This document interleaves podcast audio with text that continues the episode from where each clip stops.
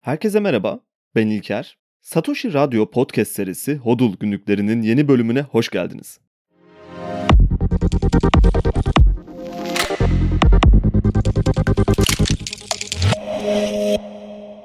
Günümüz dünyası geriye dönüp baktığımızda özellikle son 100 yılda belki de geçmiş 1000 yıl kadar büyük bir atılım gerçekleştirmiş durumda. Etrafımızda çok rahatlıkla görebiliyoruz bu değişimleri. Eğer insanlık olarak tüm gelişmelerimizi bir adım şeklinde düşünürsek, sanırım geçtiğimiz yüzyılda en büyük adımımızı attık şu ana kadarki. Ve bu adımlar bana göre temel anlamda değerlendirirsek 3 başlık altında toplanıyor. Enerji, teknoloji ve veri. Bugün işte bu başlıklar üzerinden içinden geçmekte olduğumuz değişimleri, dönüşümleri ve paradigma kaymalarını konuşuyor olacağız. Aslında herkesin bir noktasından bildiği şeyler ama benim yapmaya çalışacağım şey önümüze net bir fotoğraf çıkartmak olacak ve bir yol haritasına bakacağız. Nereye doğru gittiğimizi anlamaya çalışacağız. Ve tabii ki elbette bunu yaparken burada bu bölümleri yapma amacımız olan parayı ve ekonomileri temel dayanak noktası olarak alacağız. Parayı daha iyi anlamaya çalıştıkça dünyaya bakışınız zaten bir miktar değişiyor ve şunu fark ediyorsunuz. Dünya paraya rağmen paranın hatrına dönüyor. Ya da biz bu anlamı yüklüyoruz. Eğer objektif bir şekilde düşünürsek. Çünkü para bizim için en önemli şeylerden biri. Bugün bütün başarı kriterleri, kararlarımız, motivasyonlarımız, tercihlerimiz eninde sonunda parasal nedenlere dayanıyor. Bireysel olarak belki bazen bu girdaptan kurtuluyor olabiliriz ve para açısından baktığımızda mantıksız kararlar ya da duygusal kararlar veriyor olabiliriz. Ama birkaçımız bir araya geldiğimizde temel dayanak genellikle parasal sebepler oluyor. Ve bu paranın icadından beri böyleydi. Hatırlarsanız bir önceki bölümde de söylemiştik. Adam Smith'in dediği gibi insan pazarlık yapan tek hayvandır. Dünyaya bu açıdan baktığımızda özellikle de son birkaç bin yılımızı incelediğimizde ki zaten rasyonel ve kanıtlı olarak detay anlamında bu kadarını inceleyebiliyoruz. Ve işte bu detaylı bakışı attığımızda görebileceğimiz çok net bir şey var. Teknoloji her zaman için insanlıkla birlikteydi. Her gelişme, her yeni buluş veya hayata geçirilen yeni bir fikri teknoloji olarak kabul edebiliriz. Tekerleğin icadı teknolojik bir gelişme. Yazının bulunması yine teknolojik bir gelişme. Bu aynı zamanda veri konusunun da içine giriyor. Yazıyla birlikte verinin önemini anlamaya başladık. Veya en azından anladığımızı düşünüyorum. Yazı bir veri aktarımı aslında. Yani bu açıdan bakıldığında. Binlerce yıllık bir zaman diliminde bile taşınabilecek, korunabilecek bir veri. Paranın icadı yine aynı şekilde düşünebileceğimiz teknolojik bir gelişim. Bu kez kil tabletlerin üzerine o zaman için değersiz şeyler yazmak yerine o tablete bir veri olarak değer yüklemesinin yapılabileceğini anladık bir noktada. Daha kağıt paralara gelmemize çok vardı. Çok daha öncesinden fark ettik böyle bir şey yapabileceğimizi. Eski Mısır'da, Babil'de çalışan işçiler veya belki köleler diyebiliriz. Günlük istikaklarını bu tabletlere yazılan ödemeyle alıyorlardı. Oldukça ilkel bir yöntem fakat çağının en iyi teknolojilerinden biri. Belki kendi aralarında bu tabletleri biriktirip ve bazı zamanlarda takas bile ediyor olabilirler. Bazıları geleceğe daha çok değer verip belki bazı günlerde aç kalmayı göze alıp yine bu tabletleri biriktiriyor olabilir. Bununla ilgili sunabileceğim herhangi bir kanıtım yok ama insanlığı tanımak ve motivasyonlarını anlamak bana neredeyse kesin bir şekilde bunu yaptıklarını hissettiriyor. İnsan pazarlık yapabilen bir hayvandır demiştik. Fakat şimdilik bu detaylarda çok fazla boğulmayalım. Yeri geldikçe zaten tekrar dönüş yapacağız bu başlıklara. Sadece ön bir giriş vermeye çalıştım şimdilik. Ve konuyu da özellikle bu noktaya çekmek istedim. Çünkü ilk konuşmak istediğim madde enerji konusu. Çok önemli bir konu başlığı bu ve bugünlerde anlamını tamamen değiştirmiş durumda belki de. Yine geçmişten günümüze doğru gelirsek, enerjinin depolanabilmesiyle ilgili pek bir fikrimiz yoktu uzun bir süre. Sadece kas enerjisini kullanabiliyorduk ve çok dar bir bakış açısından zaten hızlı bir şekilde kas enerjisini kontrol etmeyi, otoritenin kontrol sağlayabileceği sistemleri hızlı bir şekilde çözdük, keşfettik. Kil tabletler karşılığında çalışan işçi kölelerin yaşadığı durum buydu ve o günlerden bugüne ciddi bir dönüşüm geçirdik. Fizik kanunlarına göre enerji hiçbir zaman için kaybolmaz. Sadece şekil değiştirebilir bildiğiniz gibi. Fakat biz bunu bilmemize rağmen enerjinin şekil değişimini kontrol edemiyorduk uzun bir süre boyunca. Bütün problem de buradaydı zaten. Ateşi anlamıştık ve bize sağladığı avantajları hemen lehimize kullandık. Ateşle birlikte türümüz belki de neleri başarabileceğini keşfetmiş oldu. Bir ışık yaktı. Hem mecazi anlamda hem de kelimenin tam anlamıyla değil mi? Fakat binlerce yıl boyunca enerjinin dönüşümünü kontrol altında tutamadık. Bakın depolanma fikri kısmına gelmiyorum henüz daha. Onun için çok daha uzun bir zaman geçmesi gerekiyordu. Ve bugün hala tam olarak çözebilmiş olduğumuz konulardan biri değil enerjinin depolanması. Biz çok basitçe sadece kendi ihtiyacımız olan enerjiyi butik bir şekilde yaratabiliyorduk. Bu da zaten kas gücünden geliyordu. Bir şeyleri itmeyi, çekmeyi, kaldırmayı ve indirmeyi basit fizik kuralları kullanarak hallediyorduk. Yalnız kolektif yaşam geliştikçe ki burada enerji kullanımı ve kolektivitenin birlikte oluşturduğu pozitif bir beslenme döngüsü de var. Ona da geleceğiz birazdan. Biz bir arada yaşamaya başladıkça enerji ihtiyaçlarımız da artmaya başladı ve verimlilik ön plana çıkmaya başladı. Artık daha büyük, daha devasa şeyleri itip çekmemiz veya kaldırmamız, indirmemiz gerekiyordu. Bu noktada aklımıza ilk gelen çözüm su gücü oldu tabii ki. En basit ve kolay ulaşılabilir kaynaklardan biri su. Artık burada milattan sonraki zamanlara geçiş yapmış oluyoruz bu arada. Su kaynaklarını bir enerji kaynağı olarak kullanmaya başladığımız dönemler bunlar. Elbette su çok daha öncesinden de kullanılmış bir kaynak ama geniş çapta ve verimli bir şekilde kullanımını ancak birkaç bin yıla dayandırabiliriz. Hatta ilk suyla çalışan pistonlu makinelerin çıkışı 16. ve 17. yüzyılları bulacak. Bu detaylara şunun için giriyorum. Enerji bizim için her zaman çok önemli bir konu oldu. Hatta enerji kullanım şekillerinin dönüşümlerini yine çok önemli tarihsel dönemeçlere yerleştirebiliriz. Doğrudan ve birebir ilişkili bir şekilde olmasa da her enerji kullanımı dönüşümünde karşımıza toplumsal olarak büyük bir tarihi olay çıkıyor. Örneğin suyu kullandığımızda insanların çalışma şeklini ve üretim şeklini değiştirdiğimiz o ilk dönemlerde Magna Carta Sözleşmesi'ni ortaya attık. Suyu kullanarak özellikle İngiltere'de madenler işletmeye başladık. Bunlar kömür ve demir madenleriydi. Oradaki ham maddeler su enerjisi kullanılarak çıkartıldı ve işlendi. Bu sayede çalışma şekilleri ve gelir modelleri değişti. Tam bunlar olurken ve toplumsal bir dönüşüm yaşanırken Magna Carta imzalandı. Bugüne kadar başka bir yerde bu tarz bir korelasyonu ortaya atan bir kaynak göremedim ve biraz long shot diyebileceğimiz uzak bir ihtimal gibi görünüyor olabilir şu anda. Fakat devam edelim. Suyu kullanarak demire ve kömüre ulaştık. Bunlar bizim için çok önemli ham maddeler. Demiri ulaşımda kullanmayı akıl ettik. Fakat ortada bir problem vardı. Büyük yük gemilerini veya lokomotif yük trenlerini hareket ettirecek gücü, enerjiyi bulmamız gerekiyordu. Buhar enerjisi burada devreye girdi ilk başlangıçta. Uluslararası ticaret için transatlantik seyahatler verimli ve güvenli sayılabilecek bir yolculuğa dönüşmeye başladı. Bu da birçok şeyi değiştirdi. Zaten tam olarak bu dönemlere girmeye başladığımız 17. ve özellikle 18. yüzyıl itibariyle kağıt paralar da artık yavaş yavaş hayatımıza girmeye başladı. Aslında tüm bunların dönüşümü ve değişimi üzerine bana kalırsa koca bir kitap yazılabilir ve oldukça detaylı, dikkatli bir analiz ortaya çıkartılabilir. Fakat burada o kadar zamanımız olmadığından dolayı daha temel bir düzeyde aktarmaya çalışıyorum düşüncelerimi. Bir dipnot olarak araya bunu eklemek istedim ve tekrar etmek istiyorum. İktisat üzerinden bir bakış atarak dünya tarihinin gelişimini, insanlığın kat ettiği yolu çok daha iyi anlayabileceğimizi düşünüyorum. Devam edelim bu kısa aradan sonra. 1769'da James Watt ilk buhar makinesini geliştirip yeni bir teknoloji kazandırdığında bu makinenin ismini demir melek koydular. Değirmenlerde, tekstil makinelerinde ve diğer bazı endüstrilerde kullanılmaya başlandı hemen. İşçiler bu makineye kara şeytan ismini taktılar. Birçoğunun işini elinden alacaklarını biliyorlardı. Çok açık bir şeydi bu. Artık bazı şeyleri ittirmek için veya çekmek için, basınç uygulamak için kas gücünden çok daha verimli çalışan ve herhangi bir isyan çıkarma becerisi olmayan yeni bir teknoloji geliştirmiştik. Ve ne tesadüftür ki bu yeni teknoloji gelişip iş dünyasını, insan emeğini ve iş gücünü yeniden şekillendirdiği sırada hemen kısa bir süre sonra 1799'da Fransız devrimi gelecekti. Şimdi bu şekilde baktığımız zaman enerjinin dönüşümünün önce basit su enerjisinden buhar enerjisine geçişte bu iki dönüşüm noktasıyla da neredeyse birebir kesişen, toplumsal yapımızı etkileyen başka değişimler de eş zamanlı bir şekilde gerçekleşmiş gibi görünüyor.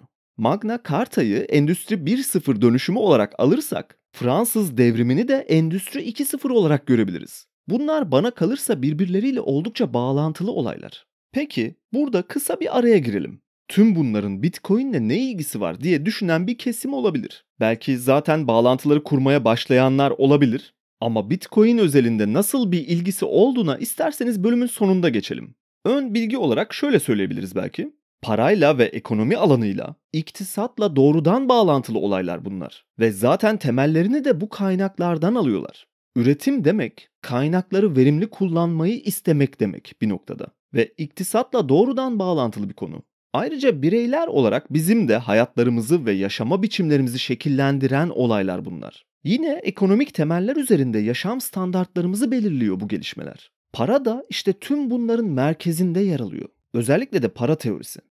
Buharlı makinelerden sonra fosil yakıtlara geçiş yapmaya başladık. İlk içten yanmalı motorları 1800'lerin sonlarına doğru icat ettik. Sanırım buradaki pozitif beslenme döngüsünü de görmeye başlıyorsunuzdur artık yavaş yavaş. Kolektif yaşam geliştikçe ve toplumsal olarak büyüdükçe, kalabalıklarla birlikte hareket etmeye başladıkça enerji kullanımımız da buna ayak uydurmaya çalışıyor. Daha verimli olmak zorundayız. Toplumsal olarak geliştikçe ve sayısal olarak genişledikçe.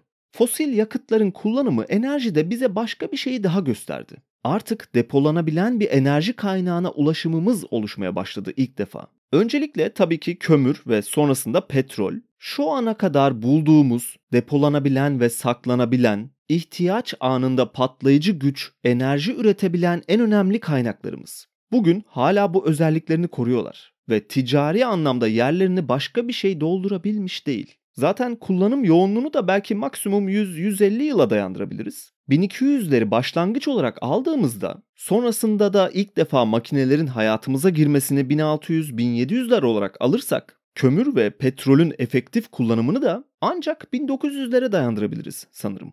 Yani buradaki değişim periyotlarını fark ediyorsunuzdur. Ve petrolün, kömürün yerine neyin gelebileceğini konuşmaya başladık bile artık bugünlerde. Gerçi kömür artık kalmadı neredeyse ve ticari paylarını tamamen diğer enerji modellerine kaptırdı diyebiliriz. Ama petrol hala en önemli kaynağımız ve bir süre daha öyle olacak gibi görünüyor. Burada tekrar içten yanmalı motorlara bir dönelim. Aslında bunlar basınçlı makineler. Bugün bile kullandığımız pistonlu makinelerin ilk ataları bunlar ve tüm bunlar için sanırım Torricelli ve Bernoulli'ye ayrıca bir teşekkür etmemiz lazım. Onlar sayesinde tamamen fizik ve kısmen kimyanın kullanımıyla dünyayı değiştirmeye başladık. Bu değişim hala devam ediyor. Hala da öyle temel bilimler anlamında. Çok dağılmayalım fakat. Bölümün başında konuştuğumuz ve o en önemli problemlerimizden biri olan enerji depolama konusuna girelim biraz da. Hala genel teknolojik gelişim eğrisine baktığımızda bununla korelasyon içinde ilerleyen bir depolama teknolojileri bulunmuyor. Ve enerji demek üretim demek. Üretim demek iktisat demek. İktisat demek ekonomik düzen demek. Ekonomik düzen de kısmen para teorisi demek. Yani bu döngüyü birbiri ucuna bağlarsak enerji demek aynı zamanda para demek. İşte Bitcoin tam olarak burada devreye giriyor. Henry Ford'un 1900'lerin başında enerjiye dayalı bir para birimi fikri ortaya attığı iddia ediliyor hatta. Fakat bununla ilgili pek bir kanıt yok. Ama günümüze geldiğimizde Bitcoin'i düşündüğümüzde eğer Henry Ford böyle bir para birimi düşünmüş kabul edersek bunun karşılığının çok rahatlıkla Bitcoin'i işaret ettiğini söyleyebiliriz bugünlerde. Enerji türümüz için en önemli konulardan biri ve sahiplik kurmaya çalıştığımız temel ihtiyaçlarımızın başında geliyor. Bitcoin ise bir para birimi olarak bana göre şu ana kadar geliştirdiğimiz en verimli enerji saklama yöntemi. Bir takas aracı olmasının yanında.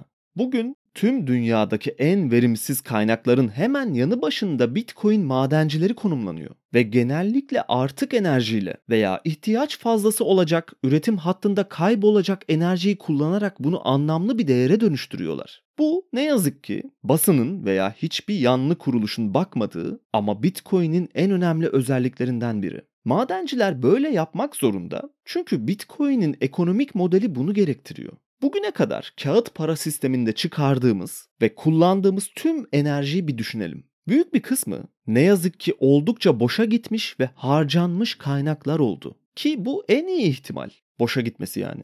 Çünkü diğer ihtimalde genellikle bu enerji atom bombası gibi araçlara dönüştürüldü. Nükleer enerjiyi keşfettik. Bugünlerde her an bir füze başlığı birilerinin bütün yaşam alanını yok edebilir durumda. Kağıt para sistemi bunları finanse ediyor ve sistemin yalnızca çok az bir kısmı işletmeleri, endüstrileri ve insanların yaşamlarını destekliyor. Lütfen devletlerin bütçe planlarına bir göz atın. Hangi alanlara en çok bütçe ayrıldığını ve bunların nasıl kullanıldığına bir göz gezdirin. Üretim yapanların yarattığı enerjinin ekonomik karşılığı olan borç yaratma yeteneğiyle devletler kendi istedikleri alanlara ve özellikle de güvenlik temalı askeri harcamalara, otoriter yapısal kurumlara her zaman için en büyük bütçeyi yani dolaylı yoldan üretim enerjisini aktarmaya devam ediyorlar. Bu çok büyük bir problem. Bitcoin bu anlamda düşündüğümüzde en verimli enerji depolama yöntemi değil sadece. Aynı zamanda en korunaklı enerji transfer biçimi. Hiç kimsenin sizden habersiz veya izinsiz bir şekilde elinizden alamayacağı bir enerji kaynağı bu. Binlerce yıl önceki emek kölelerinin belki de o günlerde bile hayal ettiği bir şey var artık bugün elimizde. Bu anlamda baktığımızda kas gücünden başlayarak yazılı tarihimiz kadar eski olan bir süreç içinde inanılmaz enerji kaynaklarına erişim sağladık ve kullanmaya başladık. Ve tüm bu değişimler gerçekleşirken aynı enerjinin dönüşümü gibi türümüzün gidişat yönü de şekillendi. Bugün geldiğimiz noktada enerjinin hiçbir zaman için kaybolmadığı ve sadece şekil değiştirdiğini keşfettiğimiz son zamanlarda Bitcoin bu dönüşümün yeni bir başlangıç noktası olarak kabul edilebilir belki de. Yani içten yanmalı motor keşfimizin karşılığına bugün Proof of Work konseptini de koyabiliriz. Enerjinin bir dönüşüm aracı olarak. Ve bu açıdan baktığımızda artık enerjinin dijital bir dönüşümünün eşik noktasında olduğumuzu da söyleyebiliriz böyle düşündüğümüzde. Dijital dönüşüm demişken sanırım tam buralarda teknoloji başlığı altına girmemiz çok uygun olacaktır. Ve öncelikli olarak tekrar giriş kısmında teknolojik dönüşümün önemli adımlarını izlememiz gerektiğini düşünüyorum. Önce dedik ki ateşi ve suyu kullanmaya başladık. Bu kaynaklarla yeni icatlar yaptık. Hepsi birer teknolojiydi bu keşiflerin ve bu yeni güçlerimizi kullanarak başka kaynaklara ulaşımımızı kolaylaştırdık. Bir noktada daha verimli kaynakları kullanmamız zorunluydu da. Kömüre ve petrole ulaştık böylece.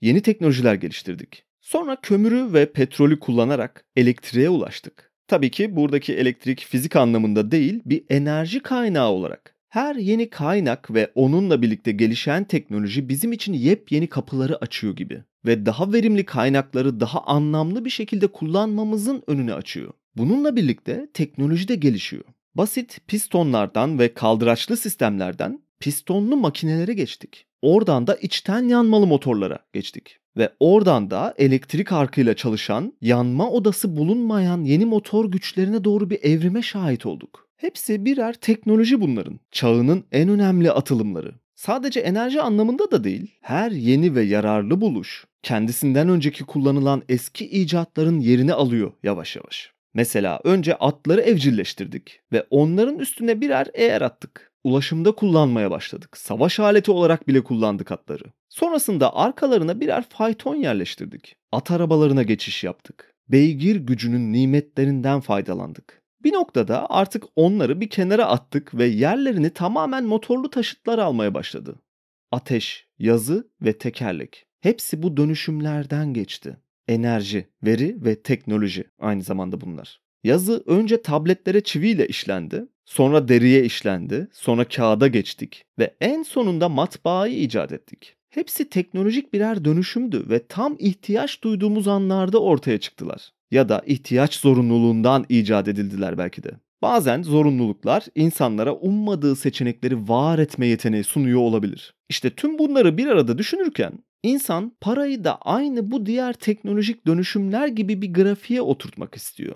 Diğer tüm dönüşümlerimize baktığımızda hep daha verimli olana, daha çok ihtiyaç duyulana ve anlamlı bir fark yaratacak dönüşüme sebep olabilecek doğrultuda ilerleyen, sürekli yükselen bir fayda maliyet grafiğinde gösterebileceğimiz şekilde gerçekleşiyor gibiler. Fakat para öyle değil. Hatta teknolojik açıdan incelediğimizde hiç olmadığı kadar kötü bir halde günümüzde.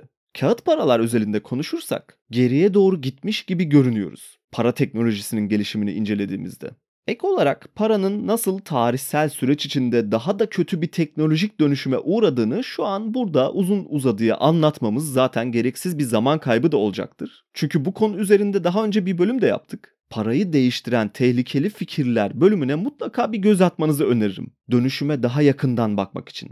Kağıt paraların hiçbir üretim maliyetinin bulunmaması, borcun hiçbir zaman için kapatılmasının mümkün olmaması, kısmi rezerv bankacılığı ve parasal genişleme teorisinin çarpıklığı, maliye ve para politikalarının kanıtsız çalışması, para ve devletin birleşmesi gibi tehlikeli fikirler bunlar. O bölümde konuştuklarımız. Aslında neredeyse hepsi özelinde de birer bölüm yaptık. Para ve devlet üzerine, merkez bankaları üzerine, para politikaları üzerine neredeyse her başlığın altını doldurduk zaten bugüne kadar. Eğer o bölümlere de göz atmadıysanız mutlaka bir bakmanızı önermiş olayım burada da. Kısaca bu teknolojik gerileme ile ilgili birkaç şey söylersek ama sağlam paralardan fiktif, yapmaca ve gerçek olmayan kağıt parçalarına veya dijital yanılsamalara doğru bir evrim gerçekleştirdi para.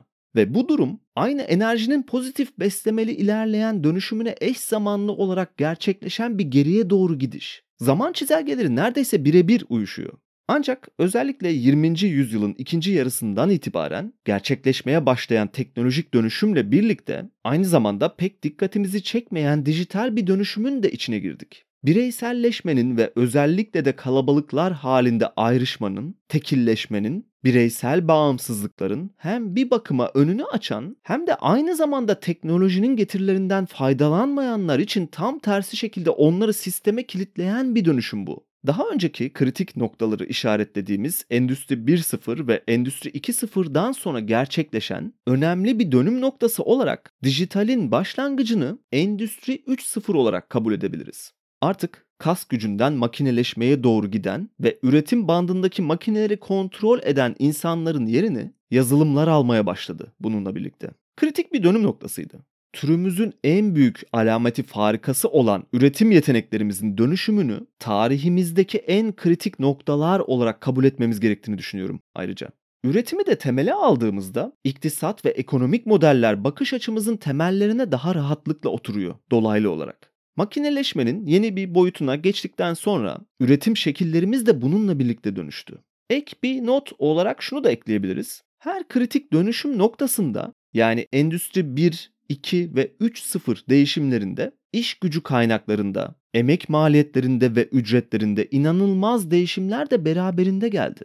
Zaten bu yüzden toplumsal paradigma kaymalarından geçtik. Önce monarşiler kuruldu. Sonra bazı haklar geri alındı. Sonra demokrasiler ortaya çıkmaya başladı ve tüm bunların hepsi insanlığın üretim yeteneklerinden doğan değerin nasıl paylaşılması gerektiğini yeniden şekillendirmek için ortaya atılan farklı fikirlerdi kaslarımızı zihnimizle birleştirip kullanmaya başladığımız ilk günlerden beri en önemli yeteneğimiz olan değer yaratma becerilerimizi hep bir otoritenin kontrolü altına vermek durumunda kaldık. Ve belki de başka pek bir çaremiz yok gibiydi. Ayrıca her dönüşümde hep daha iyisini elde ettiğimizi düşündük. İstediğimiz ve hakkımız olan karşılığa hep bir adım daha yaklaştığımızı hissettik her dönüşümle birlikte. Fakat geriye dönüp baktığımızda binlerce yıldır değişmeyen bir emek köleliğinin hala devam ettiğini bile söylememiz mümkün olabilir. Sadece artık Afrika'dan gemilerle alınıp Amerika ve Avrupa'ya gerçek bir köle olarak taşınmaktan ziyade sabahları servislerle evimizden alınıp çok daha kısa seyahatlerle aynı emek işçiliğini yapmaya devam ediyoruz.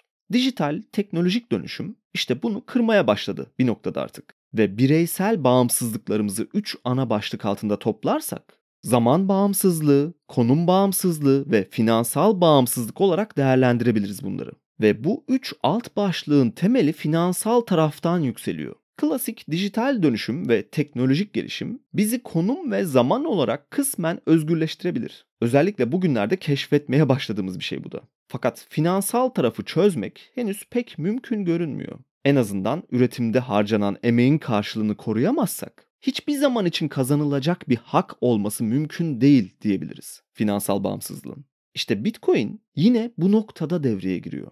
Dijital dünyanın bize sunduğu ve gerçeklikle, fiziksel dünyayla enerji üzerinden bağlantı kuran, finansal bağımsızlığı ve üretilen değerin gerçek hak sahibi olmamızı sağlayan yeni bir para birimi.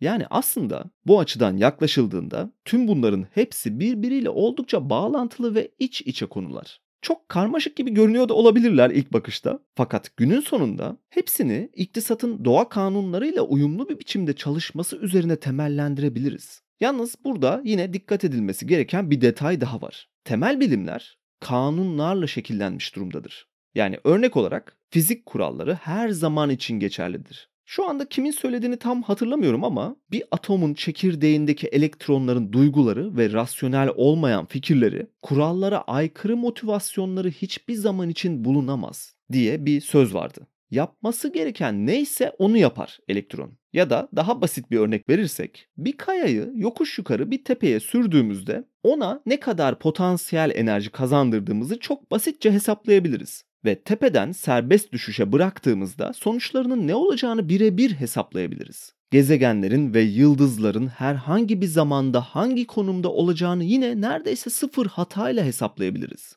Fakat türümüzün çılgınlıklarını ve duygu durumu değişimlerini Keynesyen ekonomik modelin içinde ampirik formüllerle yedirip bir iktisat teorisi altında kanun şeklinde sunup istediğimiz her şeyi hesaplamamız mümkün değil. Özellikle de bu kadar çok müdahale varken para arzını arttırdığımızda bunun sonuçlarının ne olacağını biliyoruz. Ama tam olarak hesaplamamız mümkün değil. Faiz ayarlamalarıyla veya üretim ekonomisine müdahalelerle para teorisini kontrol altında tutuyor gibi görünmek sadece kağıt üstünde geçerli olan bir şey. Eski ve en ünlü FED başkanlarından biri olan Ben Bernanke bile şöyle diyor bu konuyla ilgili.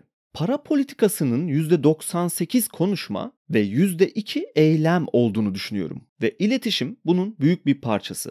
İşte bu her şeyi çok güzel özetleyen bir söz aslında. İktisatı bir temel bilim olarak düşündüğümüzde özellikle Keynesyen modelle birlikte aynı diğer temel bilimler gibi yaklaşılmaya çalışılıyor. Fakat doğa kanunlarındaki determinizmin yerine gerçek ekonomilerde bizim o temel bilimlerdeki elektronların aksine insanların duyguları ve farklı motivasyonları vardır. Zaten bu yüzden günümüz iktisatçılar ve ekonomistleri sıklıkla yanılıyorlar. Çünkü ampirik ve ancak durumlara özel çalışan formüllerini birer kanun olarak kabul etmiş durumdalar. Mevcut para sisteminin içinde paranın gerileyen teknolojisinin bir sonucu olarak artık daha çok duygulara ve özel durumlara dayandırılmış durumda tüm iktisat teorileri. Fakat öyle olmadığını iddia ediyorlar bir yandan da. Çözmemiz gereken en büyük problem de işte bu yanlış düşünce. Avusturya iktisat modeli şu anki yanlış teorilerin aksine insan doğasının ve motivasyonlarının etkin bir rol oynadığını, ekonomilere makro veya mikro ölçekte de olsa bu açıdan yaklaşmamız gerektiğini anlatmaya çalışıyor. Fakat ne yazık ki hala çok dikkat çekmiyor bu fikir ya da en azından yeterince dikkat çekmiyor diyebiliriz. Bu noktada yine teknolojik olarak gerileyen para teorisinin üzerinde biraz daha durursak, bana kalırsa Bitcoin paranın kendisinde mevcut olan ve müdahale edebildiğimiz metriklerini ortadan kaldırabilen yepyeni bir teknoloji. Duygusallığa ve çıkarcı motivasyonlara yer olmaması gerekiyor para teorisinde. Ve Bitcoin işte bunu sağlıyor bir yandan da. Sanırım işin teknolojik kısmını hem gelişim bakımından hem enerjiyle ilişkisi bakımından ve hem de teori bazında yeterince açık ve net aktarabildiğimi düşünüyorum. O yüzden artık son maddeye geçebiliriz bence. Veri üzerine konuşmak istiyorum biraz da. Şu ana kadar geldiğimiz noktada Endüstri 3.0'a kadar konuştuk ve tüm dönüşümlerin hepsini tek tek işaretledik. Sanırım artık Endüstri 4.0'a girmenin vakti geldi ve zaten o yüzden de belirli bir sırayla ilerlemeye çalıştım bilgi teknolojilerini ve dijital dönüşümü Endüstri 4.0 olarak kabul edebiliriz. Yalnız yine de uzun bir süre verinin anlamını ve önemini kavrayamadığımızı düşünüyorum geçmişten bugüne doğru gelirken. Veri aynı zamanda bir bilgi demek. Bilgi teknolojileri de daha yeni yeni. Özellikle 21. yüzyılın başlangıcı itibariyle dikkat çekmeye başladı. Dijitalleşme ile birlikte hayatlarımızın orta noktasına oturmuş durumda bugünlerde veri ve bilgi kullanımı. Ayrıca önümüzdeki süreçte çok daha önemli bir pozisyona gelebileceğini de söyleyebiliriz. Parayla da çok ilişkisi var verinin. Zaten o yüzden bu başlığı konunun içine aldım. Para aynı zamanda bir veri transferi demek. Bir bilgiyi yani bir hesaptaki hareketi bir veriye dönüştürüyoruz ve bu veriyi merkezi bir kuruluş teyit ediyor. Kopyalanıp çoğaltılmadığından ya da kötü niyetli bir şekilde verilerin bozulmadığından emin olmamızın güvencesini veriyor. Veya şöyle de diyebiliriz. Biz böyle olduğunu umuyoruz denilebilir. Önceden bir veriyi eğer bunun değer anlamında direkt olarak bir takas değeri yoksa istediğimiz kadar çoğaltabiliyorduk. Tabi bir zaman maliyetiyle ve ham madde maliyetiyle. Bir kitabın veya bir tablonun kopyasını çok rahatlıkla yapabiliriz ama bu ona bir değer yüklemez. Fakat bunun yanında bu kopyalama işlemine, bu bilgilerin ve verilerin çoğaltılma işlemine kolay kolay kimse müdahale de edemez. İşte tam bu noktada bir problemle karşılaştık. Para sisteminde insanların kolayca veriyi kopyalamasını ve çoğaltmasını önlememiz gerekiyordu. Merkez bankaları tam olarak bu sebeple var. Oldukça basit bir çözüm geliştirdik. Biz verinin kontrolünü ve dağıtımını sağlayacağız dediler. Ve bunu güvenli bir şekilde sizin adınıza yapacağız sözünü verdiler. Ama durum pek öyle olmadı ne yazık ki. Problem kağıt paraların gerçekte var olmayan ve yalnızca sözlü bir şekilde aktarılan değer ilizyonundan kaynaklanıyor. Bugünlerde veri her şey demek. Ayrıca verinin kontrolünü, dağıtımını elinde tutmak, gücün sahibi olmak demek belki de.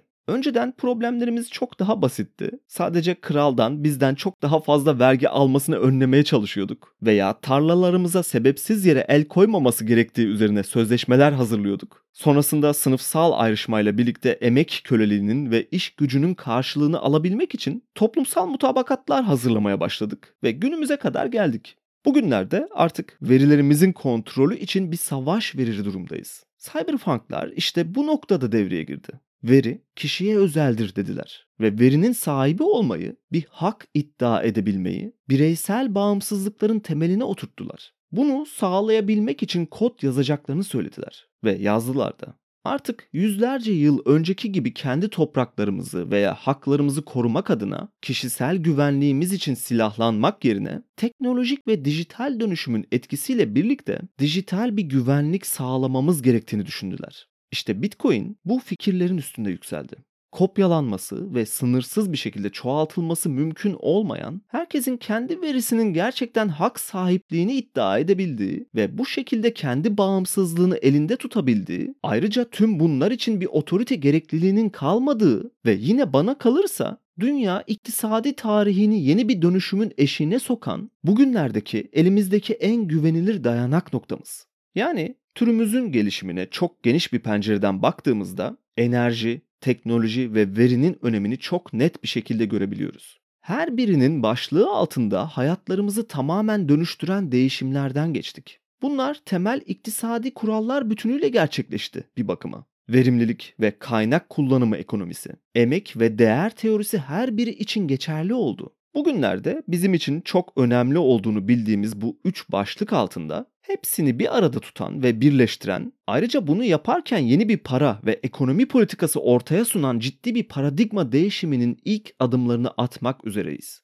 Bitcoin, fiziksel enerjiyi, emek ve iş gücünü kanıtlı bir şekilde dijital olarak saklamanın önünü açıyor. Zaten ona değerini veren en temel nokta da burası diyebiliriz. Teknolojik olaraksa kendisinden önceki geriye doğru giden sistemi tekrardan rayına oturtarak çok büyük bir adım atabilmesinin önünü açıyor para teorisinin. Ve tüm bunları yaparken veri güvenliğini, veri transferini, taşınmasını, saklanmasını, üçüncü bir partiye ihtiyaç duymadan bireysel olarak kontrol edebileceğimiz yeni bir fikir yaratıyor. Artık daha ne kadar açık anlatabilirim bilmiyorum. Ekonomi politikaları için genellikle kullanılan bir tabir olarak üçlü sac ayağı üzerinde durduğu söylenir ekonomilerin. Bunlar maliye politikaları, para politikaları ve yapısal düzenlemelerdir. Alt başlıklardan biri olan para politikalarının da yine aynı şekilde üçlü bir sac ayağı üzerinde durduğu konuşulur. Faiz, enflasyon ve kurdur bu ayaklar. Bunların hepsi doğa kanunlarıyla yönetilmeyen ve duygusal kararlarla her seferinde sonucunun nasıl olabileceğini kestiremediğimiz oldukça dengesiz ayaklar.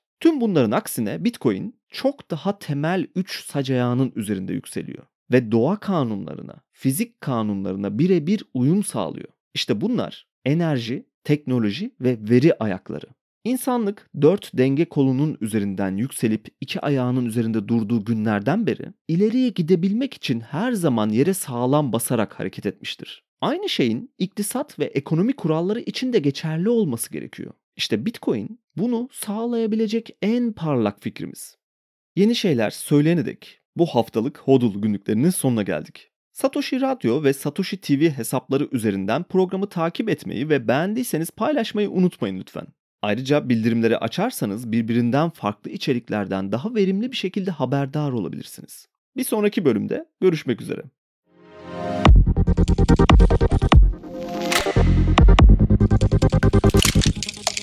Thank.